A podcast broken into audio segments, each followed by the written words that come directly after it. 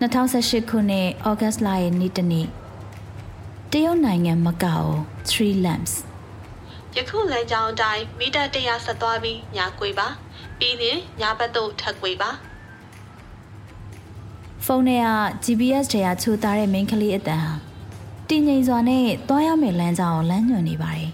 ။ရှင်ရှင်ကဆလွယ်အိတ်တစ်လုံးကြောပို့ထားပြီးလက်တစ်ဖက်ကဖုန်းကိုကင်ထားက ကျန်တဲ့လက်တစ်ဖက်ကပလတ်စတစ်အကြည့်ထိတစ်ချောင်းကိုစောင်းထားပါတယ်။မိုးရေတွေဆူရွှဲနေတဲ့လမ်းမတောင်မှာမတ်တက်ရက်နေရင်ရှင်မြင့်ငယ်အလဲက3 lamp တက်တိုင်ကိုငေးကြည့်ရင်းနဲ့အရင်တော့ကသူမကြုံတွေ့ခဲ့ရတဲ့ရှက်စရာကောင်းတဲ့အဖြစ်အပျက်ကိုပြန်ပြီးတွေးနေမိပါတော့တယ်။လွန်ခဲ့တဲ့တစ်နှစ်တုန်းကဘိုက်စာနေတဲ့ရှင်းရှင်းဟာတခန်းတနာပြင်ဆင်ထားတဲ့ဝင်လက်ဖဲလေးစားတောက်ဆိုင်တွေကို အားတင်းပြီးဝင်လိုက်ပါတယ်။သူမဝင်ဝင်ချင်းမှာပဲဆိုင်အလေက Sorority Crystal အလုံးရေ9000တက်ဆင်ထားတဲ့ငကပြန်အယုတ်ကိုမြင်ပြီးအံ့အားသင့်သွားပါတယ်။ဝန်ထမ်းဝတ်ဆောင်တေးသေးတက်တက်ဝတ်ထားတဲ့ဆိုင်ဝန်ထမ်းကဂျော်ဘိုအိတ်ခီးသောပုံစံမျိုးနဲ့မိန်းကလေးကိုမတိမတာစစ်ဆေးကြည့်လိုက်ပြီးတခြားဧည့်သည်တွေလိုမျိုးစပွဲဝိုင်းမှာဝင်ထိုင်မှုမကြိုးစိုးသေးပဲမီနုစာကိုအထူကြီးကိုရင်ရင်ကြဲကြဲနဲ့ကမ်းပေးလိုက်ပါတယ် ရှင်းရှင်းကလည်းအဲ့ဒီနေရာမှာတင်မတက်ရက်ပြီးဖွင့်ကြည့်လိုက်တယ်ဟင်းလျာအတွဲလိုက်ဆက်နဲ့ကိုတယောက်ကိုရွှန်980ဟွာတောင်အရက်နဲ့ကြောင်၅ပေါင်းဟင်းဟာရွှန်490သူမအရန်စားချက်နေခဲ့တဲ့ပဲငံများကြီးကြက်ကင်ဟာရွှန်390တောင်ပေးရတာ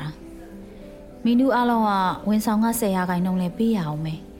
ရှင်းရှင်းရဲ့မျက်နှာအမူအရာဟာတဖြည်းဖြည်းညှို့နှွမ်းသွားပြီးဆိုင်ဝင်နှန်းကိုပြုံးပြကနောက်ပြန်လှည့်ထွက်လာလိုက်ပါတယ်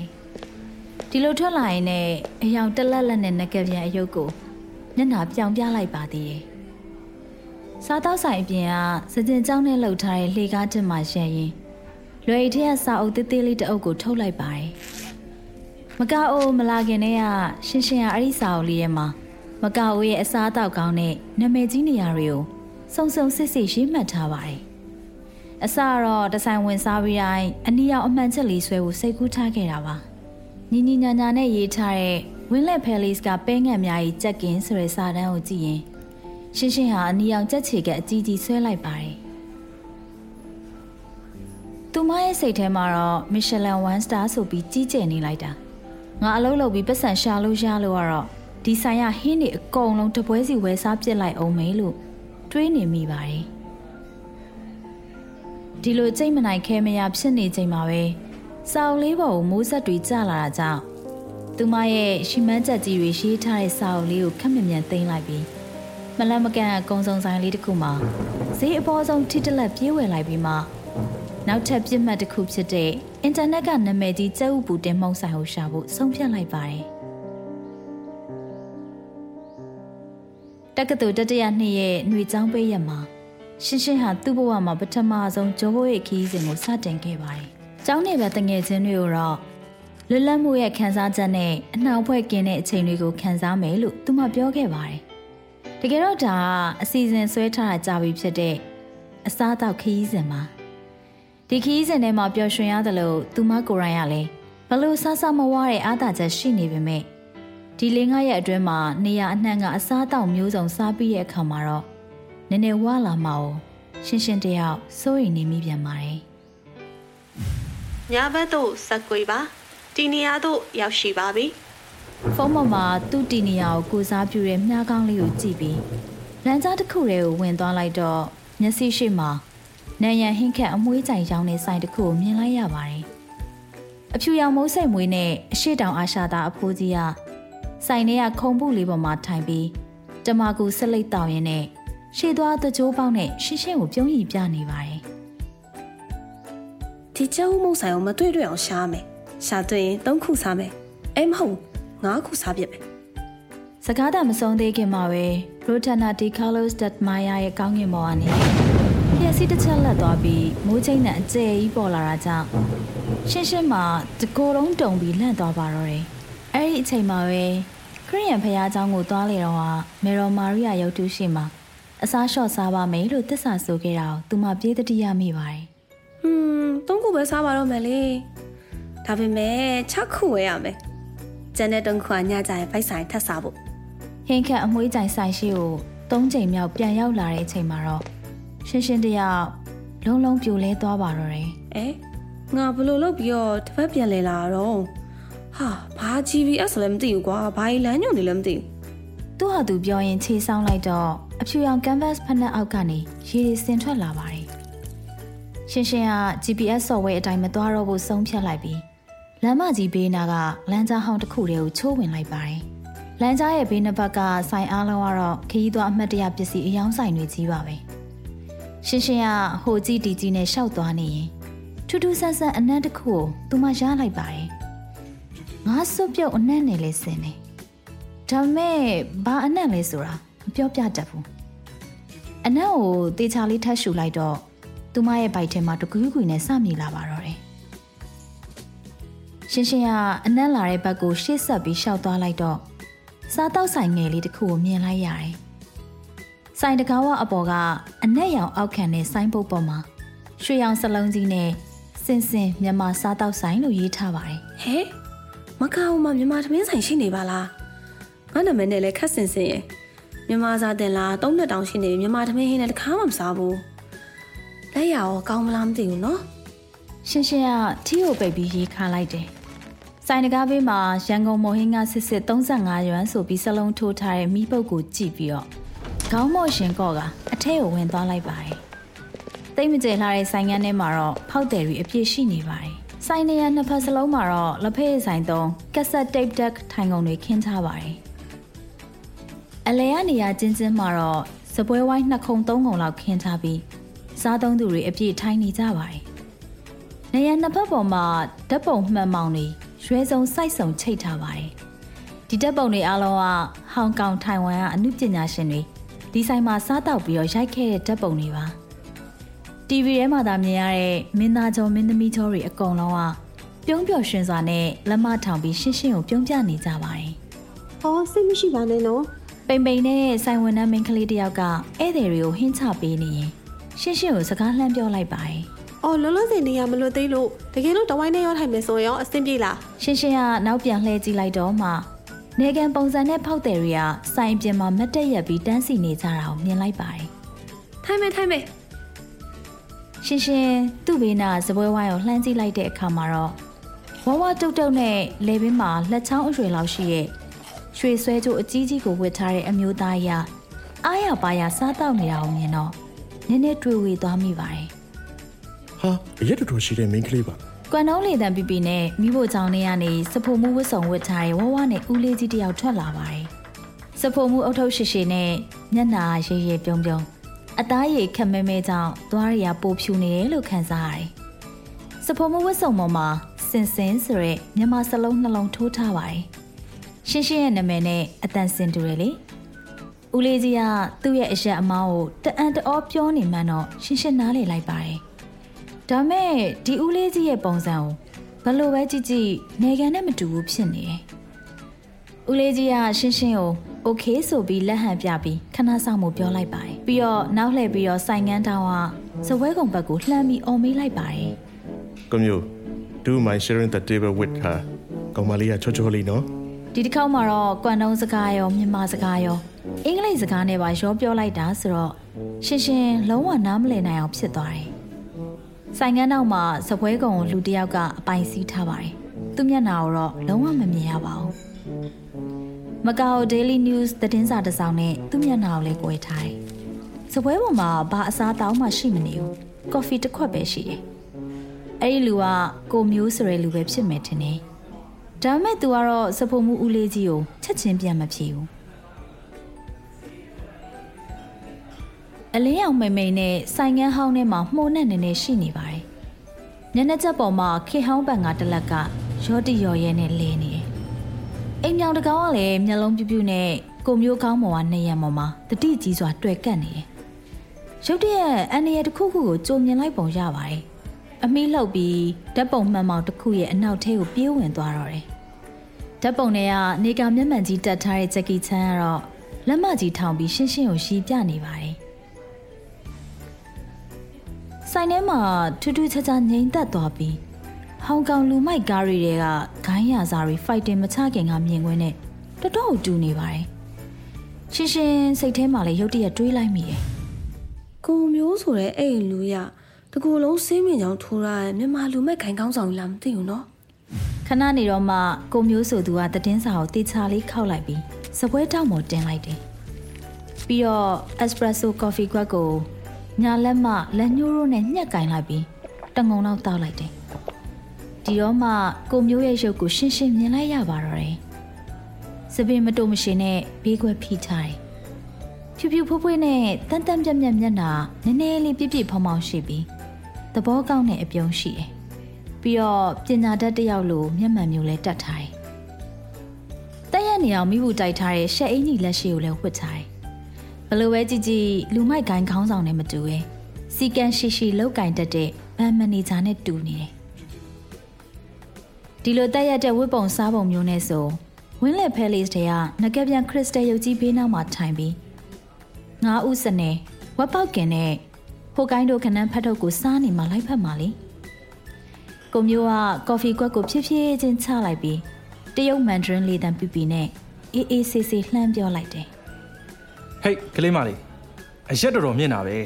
လာဒီမှာလာထိုင်နေမတ်တက်ရက်နေတော့ငါမောကြည့်ရတာလေဘင်းညောင်းနေဟာခုနကမှရှင်းရှင်းရဲ့စိတ်ထဲမှာသဘောကောင်းမယ်လို့ထင်ထားတဲ့အမြင်တွေချက်ချင်းပြန်ပြီးရော့ကျသွားတယ်ဟမ်လူကိုဘာကလေးမလေးလဲ လူကြီးလေတန်းနဲ့ဟန်လုတ်ပြီးတော့ပြောနေသေးရဲ့ငါကြည့်ရတော့နင်ကလည်းအသက်ကဖြစ်ဘလောက်မှမရှိသေးရမြဒီလိုတွေးလိုက်မိတဲ့အချိန်မှာပဲဒီအမျိုးသားကိုတိတ်တိတ်ချာချာပြန်ကြည့်လိုက်မိပြီးစိတ်ထဲမှာလည်းရီချင်မိသွားတယ်ပြောလို့မရအောင်လေကိုမျိုးဆိုတဲ့လူကအပေါ်ယံကြည့်တော့အသက်ငယ်တယ်လို့ထင်ရတယ်မသိရင်အသက်20ကျော်လောက်ပဲဒါပေမဲ့တေချာပြန်ကြည့်ရင်အသက်30ကျော်လောက်လို့ထင်ရတယ်อืมရှုံးနုလို့လည်းဖြစ်နိုင်တာပေါ့ ဟဲ့တော့ဟယ်လိုယုံနူရဲ့လူရှိနေတယ်ကမေ့နေရဲ့ဟာယုံတဲ့အတန်နဲ့မလိုက်တော့သူ့အတန်မန်းရခတ်တာတော့ရှင်ရှင်ကစိတ်ထဲမှာကြိတ်ရီလိုက်ပြီးဒီအမျိုးသားကြီးရဲ့မျက်နှာချင်းဆိုင်မှာဝင်ထိုင်လိုက်ပါတယ်။ဆိုင်ဝင်တန်းကမီနူးလာပို့တော့ရှင်ရှင်ကမီနူးစာအုပ်ကိုဟိုဘက်လှန်လိုက်ဒီဘက်လှန်လိုက်နဲ့ကြည်နေတယ်ဒါနဲ့မြန်မာဟင်းစားဘူးလား။ကိုမျိုးဆိုသူကနားလေသဘောပေါက်ဟန်နဲ့မိလိုက်ပါတယ်ဟုတ်မစားဘူးဘူးရှင့်။ ရှင်ရှင်ကတော့မီနူးကိုကြည့်ပြီးဘာရွေးရမှန်းမသိဘူးဖြစ်နေတယ်။အုံတို့ခောက်ဆွဲမဟင်ကနန်းချီတုတ်စီချက်ဘယ်ဟာရွေးရင်ကောင်းမလဲပေါ့။အဲ့ဒါဆိုမုံဟင်းကားကနေစစားကြည့်ဖို့ကိုအကြံပေးခြင်းတယ်ကွာမုံဟင်းကားကမြန်မာလူမျိုးတွေရဲ့မနှက်စာလေးကိုမျိုးကစေရနာပပနဲ့အကြံပေးနေတယ်။ရှင်းရှင်းပြန်မဖြေရသေးခင်ခုနကကော်ရီတာမှာအနက်ရလိုက်တဲ့မှုရနံ့ကထပ်ပြီးလွင့်လာပြန်တယ်။စ ဖို့မှုဦးလေးကြီးကိုယ်တိုင်လင်မန်းတစ်ခုနဲ့စပွဲရှိကိုရောက်လာပြီးကိုမျိုးကိုရီးပြပြီးပြောလိုက်ပါတယ် Moinga, your favorite? yes ။ကိုမျိုးကလင်မန်းပေါ်ကနေပကံလုံးတစ်ခုကိုအตาအရာယူလိုက်ပြီးစပွဲပေါ်ကိုတင်လိုက်တယ်။ပြီးတော့အဖိုးဖြတ်မရတဲ့ရှေးဟောင်းကြွေတွေကိုပြသနေတဲ့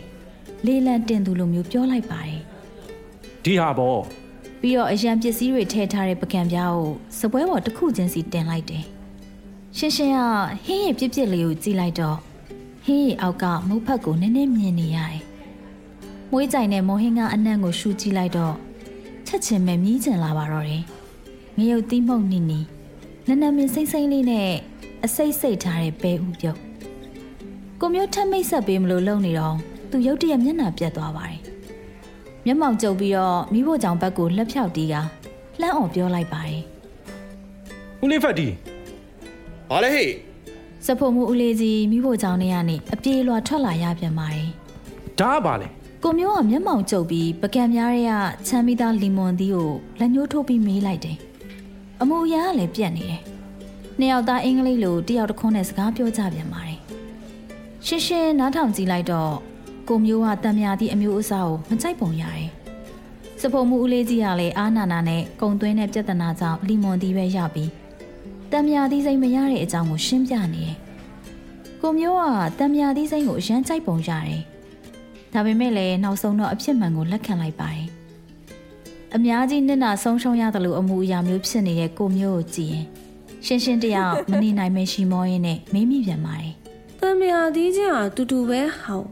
ဘာတွေကွဲပြားလို့လဲဟာကွဲပြားတာပေါ့။ကိုမျိုးကရုပ်တည်ကြီးနဲ့ထပ်ပြီးရှင်းပြပါတော့တယ် တံမြာသီးစိမ်းရဲ့သိပ္ပံနာမည်က citrus lemon လို့ခေါ်တယ်လီမွန်သီးထက်အခွန်ပိုပါပြီးတော့အရေးပိုရွှမ်းနေအနံ့လည်းတင်းတင်းပြန့်ပြန့်လေး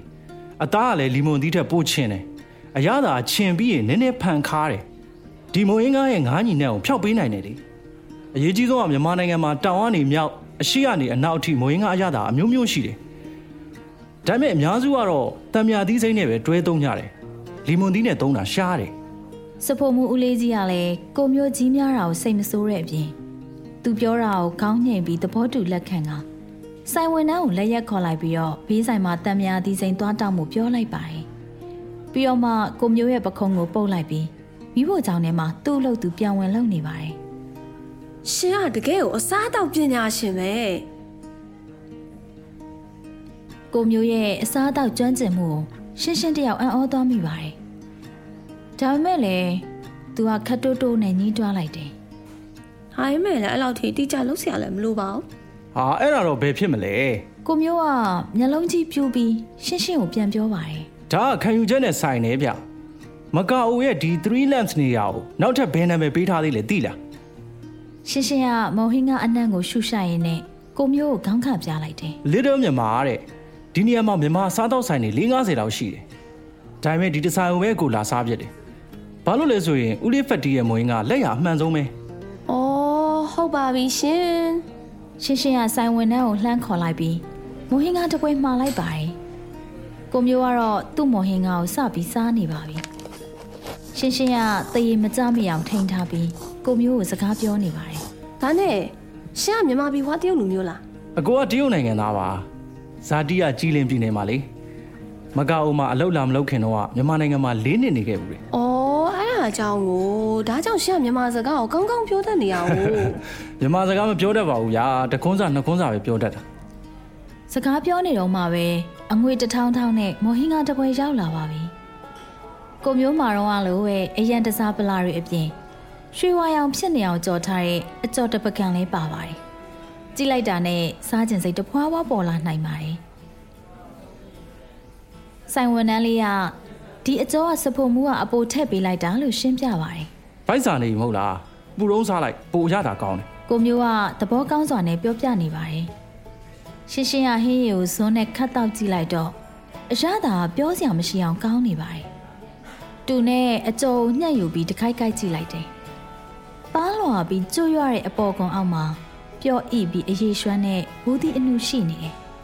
အရသာကရှင်းရှင်းတို့လိုမိန်းကလေးတွေအကြိုက်နဲ့လုံးဝကိုက်နေတာပေါ့ ဒါကမြန်မာလူမျိုးတွေအကြိုက်ဆုံးဘူးသီးကြော်ပေါ့ကိုမျိုးကလည်းအချိန်တိုင်းမိတ်ဆက်ပေးနေပြန်ပါတယ်ရှင်းရှင်းကခဏနေဖို့လက်ဟန်ပြလိုက်တယ်မကအိုမလာခင်ကတက္ကသိုလ်ကမြန်မာပြည်ကလာတဲ့ဆီယာမတပည့်တွေကိုတည်ရစာမုံအကြောင်းပြောပြခဲ့ဘူးတယ်အဲ့ဒါကိုရှင်းရှင်းတယောက်ပြန်စဉ်းစားမိရင်နဲ့နှုတ်ကနေလှုပ်ခနဲ့ထွက်သွားပါတယ်။ဘူးဒီကျော်ဒီတစ်ချိန်မှာတော့ကိုမျိုးတအံ့တော်ဖြစ်သွားပါတယ် ခုနလေးရရင်သူတို့အနားကိုရောက်လာတဲ့ဦးလေးဖတ်တီလည်းအံ့ဩသွားတယ်ဦးလေးဖတ်တီရဲ့လက်ထဲမှာတော့ချမ်းမီသားတံမြာသီးစိမ့်တစ်ပကံပါလာတယ်မင်းမင်းကမြန်မာလူမျိုးလားကိုမျိုးကအံ့ဩတဲ့လေတံနဲ့မီးလိုက်ပါတယ်ကျမလည်းတရုတ်နိုင်ငံသားပါပဲ။ကျမယူလာတဲ့တက္ကသိုလ်မိကြမြန်မာဘာသာမို့လို့လေကိုမျိုးနဲ့ဦးလေးဖတ်တီတို့အပြန်အလှန်ကြည့်ပြီးအံ့ဩနေပုံကိုမြင်တော့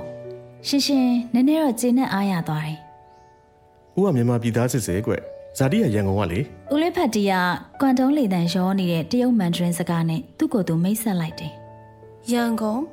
နောက်လားဆိုလို့ရှိရင်ရန်ကုန်မှာကျမကျောင်းသားတက်ရတော့မှာရှင်းရှင်းကဝမ်းသာအားရနဲ့ပြောလိုက်ပါတယ်။အော်ရန်ကုန်ကိုသွားမလို့လားကိုမျိုးကအားကြတဲ့အကြည့်နဲ့ရှင်းရှင်းကိုကြည့်နေတယ်။ဦးလေးဖက်တီ၃နာရီလဲထိုးတော့မယ်ဗျာ။အလုံးမများတော့ဘူးမလား။ဟိုကျွန်တော်တို့နဲ့အတူတူလာထိုင်လို့ရမလား။ဒီဒီကညီမလေးမှုရှောင် ရှင်းရှင်းရှင်းကိုလည်းခေါ်လို့ရပါတယ်ရှင်းရှင်းကတရှူးနဲ့ပါဇက်ကိုတုပ်လိုက်ပြီးဘူးတိကျော်တစ်ခုကိုထပ်ယူလိုက်တယ်တွေ့ရတာဝမ်းသာပါတယ်ရှင်းရှင်း။အကိုနာမည်ကဝမ်ချောင်ရှူးပါ။အကိုနဲ့ဦးလေးဖက်တီကညီမကိုရန်ကုန်မြို့ရဲ့အကြောင်းတွေကြိုပြောပြပေးလို့ရတယ်။အထူးသဖြင့်အစားအသောက်ပေါ့ကွာဦးလေးဖတ်တီနားလည်နိုင်အောင်လို့ကိုမျိုးကလေးတန်းကိုဖြည်းဖြည်းချင်းပြောလိုက်ပါတယ်။ဒါပေမဲ့အခုပြဿနာတစ်ခုတော့ရှိတယ်။အကိုတို့ဘယ်ဘာသာစကားနဲ့ပြောရင်ကောင်းမလဲ။ ရှင်းရှင်းတို့၃ယောက်စလုံးတဟဟနဲ့ပြုံးရင်မိကြပါတော့တယ်အဲ့ဒီနေ့လေးကရှင်းရှင်းတို့အတွက်ပျော်စရာကောင်းတဲ့ညနေခင်းလေးဖြစ်ခဲ့ပါတယ်သူတို့၃ယောက်ကတရုတ်မန်ဒရင်းနဲ့ပြောလိုက်မြန်မာစကားနဲ့ပြောလိုက်အင်္ဂလိပ်စကားနဲ့ပြောလိုက်လုပ်နေကြတယ်။ကိုမျိုးကသူရန်ကုန်မှာအလုပ်လုပ်ခဲ့တဲ့၄နှစ်တာကာလအတွင်းမှာသူတွေ့ကြုံခဲ့ရတဲ့မြန်မာလူမျိုးရှင်ကျေးမှုနဲ့စားခဲ့မှုတဲ့စားတောက်ဆိုင်ကောင်းတွေကိုတခုမကြံအောင်ရှင်းရှင်းကိုပြောပြခဲ့တယ်။ ဦးလေးဖတ်တီကတော့ဘေးနားကနေလိုအပ်တာကိုလိုက်ဖြည့်ပြီးပြောပေးနေပါတယ်။ကိုမျိုးကအားလုံးပြောပြပြီးသွားတဲ့အချိန်မှာစကားတစ်ခွန်းနဲ့အဆုံးသတ်လိုက်တယ်။အစားအသောက်ကလည်းဆက်သွယ်ရေးကိရိယာတစ်မျိုးပဲတဲ့ဒါကဦးလေးဖက်တီရဲ့အဆိုမိတ်ပေါ့